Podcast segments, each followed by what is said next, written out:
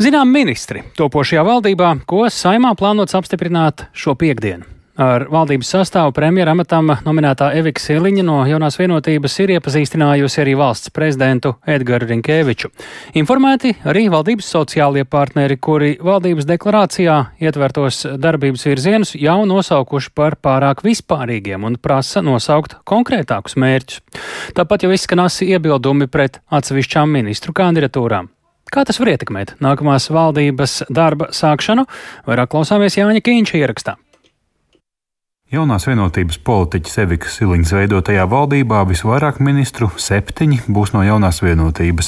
Finanšu ministra amatu saglabās Arvils Ašarādens, izglītības un zinātnes ministra būs Anda Čakša, bet tieslietu ministra Ines Lībiņegnere. Ārlietu ministra amatu ieņems līdzinējais premjers Krišjāns Kariņš, bet iekšlietu ministra amatā pēc dažu gadu pārtraukuma atgriezīsies Rihards Kozlovskis. Vides aizsardzības un reģionālās attīstības ministra būs Inga Bērziņa, bet par veselības ministru plānots apstiprināt parlamentārieti Hosamu Abumerī. Zaļo zemnieku savienības pārstāvim Gunāram Kūtrim piedāvāts saimnes priekšādātāja amats, bet valdībā ZZS pārstāvēs četri ministri. Labklājības ministra amatā atgriezīsies Uldis Augulis, par zemkopības ministru piedāvāts kļūt Armandam Krauzim, ekonomikas ministra amats uzticēts Viktoram Valēnim, bet Kasparu Melni virzīs uz klimata un enerģētikas ministra amatu. No partijas progresīvie par satiksmes ministru kļūs Kaspars Briškens, par aizsardzības ministru Andris Sprūts, bet par kultūras ministri Agnese Logina. Valdība saimā visticamāk apstiprinās ar 53 balsīm, vēl niecīgāku pārsvaru kā aizējošajai valdībai. Tas nav cerētais rezultāts un bija iespējas izveidot plašāku koalīciju, atzīst valsts prezidents Edgars Rinkēvičs. Tomēr pirms vērtēt jaunaveidojamo valdību viņš aicina sagaidīt konkrētus darbus. Beigās rezultāts nav ideāls, tālu nav ideāls, bet uh, valstī ir vajadzīga darboties spējīga valdība. Vērtēsim pēc reāliem darbiem, pēc kāda laika. Arī vakar apmeklējot balvu novadu, tiekoties ar iedzīvotājiem, es dzirdu vienu un to pašu. Tarifi, kredītmaksājumi, veselības aprūpas finansējums, skolu tīkls, ceļi. Atsevišķas nozares jau vērtē izraudzītos nākamos ministrus. Lauksaimniecības organizāciju sadarbības padomu uzskata, ka zemkopības ministra amata kandidāts Armāns Kraus orientējas visās lauksaimniecības apakšnodarbēs un spēšot darbu sākt uzreiz. Vienlaikus Latvijas vadošās vides un dabas aizsardzības un dabas ekspertu organizācijas iebilst pret citu ZZS kandidātu Kaspara Mēļņa izvirzīšanu uz klimatu un enerģētikas ministra amatu. Viņam trūkstot izpratnes un zināšanu par šo jomu. Arī par veselības nozares nodošanu jaunās vienotības un Hosamas abu merīnu pārziņā iebilst Latvijas veselības un sociālās aprūpas darbinieku arotbiedrība. Tās vadītājs Valdis Kers iebildis, ka valdības deklarācijas projektā iekļautie 12% no valsts budžeta pamatfunkciju izdevumiem veselības nozarei ir nepietiekami. Tam nesteidz piekrist Latvijas Brīvā arotbiedrības savienības vadītājs Egils Baldzēns, kurš gan piebilst, ka sociālos partnerus valdības plānu definēšanā varēja iesaistīt arī ātrāk. Un galvenais jau ir finansējuma apmērs, kas būs veselībai. Ir arī iespējami pavisam veiksmīgi risinājumi, ja finansu ministrs un veselības ministrs ir no vienas partijas, varbūt atsevišķos gadījumos tas ir vieglāk. To re, mēs redzēsim tajā brīdī, kad tiks izskatīti valdības rīcības plānā konkrētie risinājumi par to, kāda būs veselības aprūpas finansējuma modelis nākamajā gadā un vidējā termiņā. Nākamās valdības mērķus skaidrāk varēs izlasīt valdības rīcības plānā, kas gan vēl tikai taps. Pagaidām daļa formulējumu deklarācijā ir visai izploduši, vērtē Latvijas darba devēja konfederācijas prezidents uzņēmējs Andris Bitte. Mūsu lielais vēstījums no abām uzņēmēju organizācijām, LDDK un LTRK, bija par to, ka ir skaidri jānodefinē ekonomiskie mērķi, kādi mums ir. Mēs sajūtām ambīciju trūkumu šajā valdības deklarācijā ekonomiskajā plānā, un mūsu mērķis ir tomēr audzēt ekonomikas lielumu Latvijā, lai mēs spētu nofinansēt visus izaicinājumus, kādi mums ir gan drošībā, gan, gan sociālā sfērā un tam līdzīgi. Uz jautājumu par atsevišķiem ministru kandidātiem izteiktajiem iebildumiem premjera amatam nominētā Evika Siliņa atbild, ka katras nozares izaicinājumi būšot viņas un visas valdības līdzatbildība. Es domāju, dosim laiku ministriem uzsākt darbu tikties ar nevalstiskām organizācijām, iepazīties varbūt jau no pavisam cita skatu punkta, kā viņi to ir darījuši līdz šim. Jo skaidrs, ka ieņemot ministra amatu, tu uzņemies daudz lielāku atbildību, un arī visi ministri e, parakstīs piekdienu valdības deklarāciju un uzņemsies tātad arī šos principus ievērot. Saimā balsojums par valdības apstiprināšanu plānots piekdien. Jānis Kincis, Latvijas Radio. Ko par jauno iespējamo valdības sastāvu domā sabiedrība? Latvijas radio uzrunātajiem iedzīvotājiem Rīgas ielās eh, domas ir dažādas. Vienu uzsver, ka jaunos ministrus vērtēs vēlāk, pēc darbiem, citi, ka pārmaiņas ministru kabineta sastāvā valstī un iedzīvotājiem neko nemainīs, taču vēl citi atzīst, ka valdības maiņa viņus neinteresē un tā nemaz nesako līdzi. Es domāju, ka līdz e, saimnes vēlēšana beigām vēl ir daudz laika.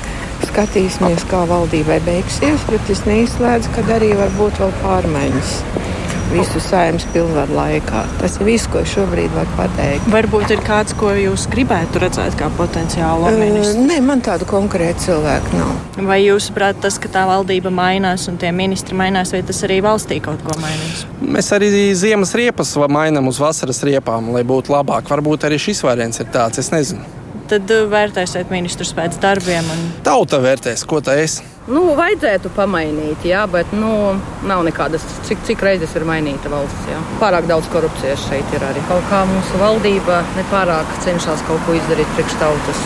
Kaut kā mēs neticam tai valdībai vairāk. Nu, grūti pateikt tā valdības maiņā, teiksim, mans personīgais viedoklis, ka tie paši ministri maina tik savus krēslus no viena uz otru, un nekas nemainās. Jā, nu, pagaidām ir pārsteigums. Nu, bija paredzēts, ka būs plašāk, tagad ir šaurāk. Man liekas, ne labāk, bet ar vienu kaut kā sliktāk. Nē, šobrīd ne, nu, neko nekomentēšu. Jā. Dzīvos redzēs, pieņem. Grūti pateikt pašlaik. Jums nav nekāda ekspektācija. Nē, nu, tās lēmums ir bijis ok, labi lēmums. Ir galvenais, kā strādās cilvēki. Jo man negācijas vai kādas milzīgas prieks par kādu no viņiem īsti nav. Tad vērtēsiet pēc darbiem. Jā, jā, protams. Es domāju, ka arī būtu jāvērtē.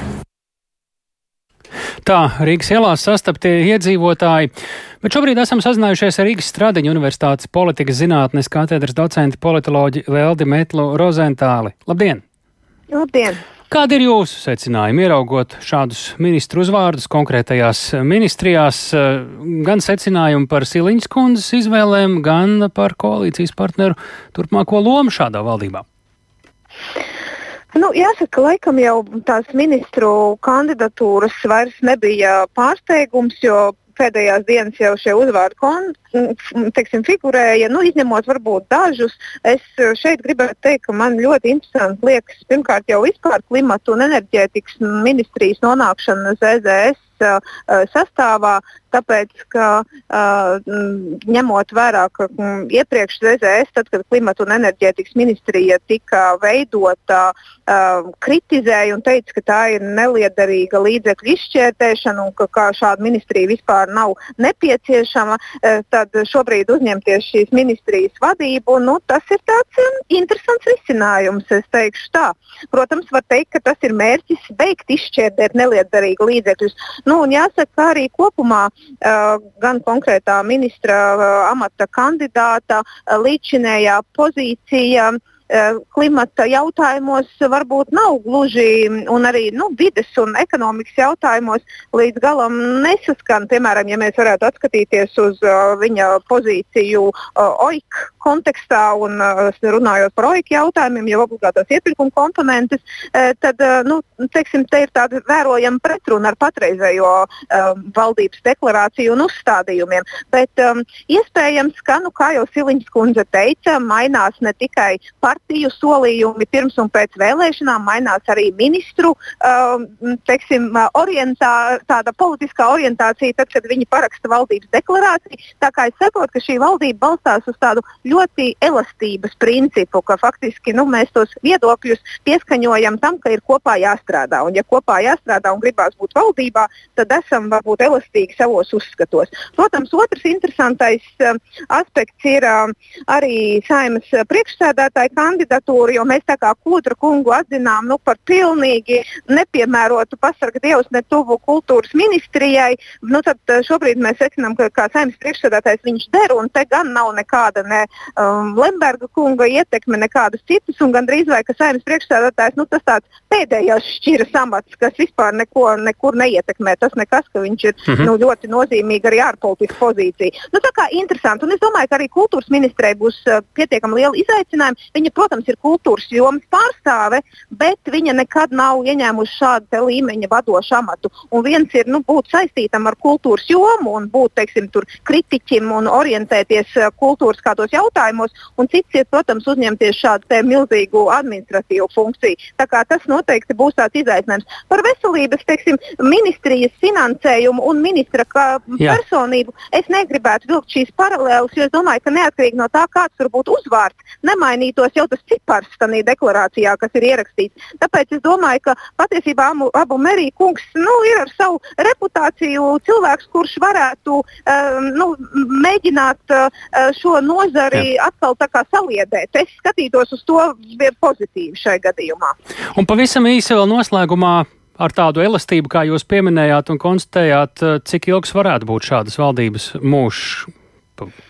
Dažos vārdos. nu, laikam, jau jautājums par to, cik mēs elastīgi un cik ilgtermiņā esam gatavi saglabāt šo savu elastību. Ja mums tā motivācija ir būt par katru cenu valdībā un arī nu, kaut kādus savus no tā gūt, teiksim, es negribu teikt, ka sliktā nozīmē labumus, bet nu, es saprotu, ka katra partija no tā kaut ko iegūst vai ne savā politiskajā kapitālā, tad iespējams, ka ja viņi saprot to, ka, ka tas ieguvums ir lielāks nekā tas zaudējums, tad ziniet, šādas kompromisa, uh, kompromisa valdības un vispār tāda kompromisa pasākums spēj pastāvēt arī ilgi. Hm, Tieši varam. tad, kad tev ir mazāk tie principi, tad, kad tev ir vairāk principi, tad tur tie konflikti un sarkanās līnijas un līdzīgi. Jā, labi. Jā, Paldies Lielde Metlē Rozentālai.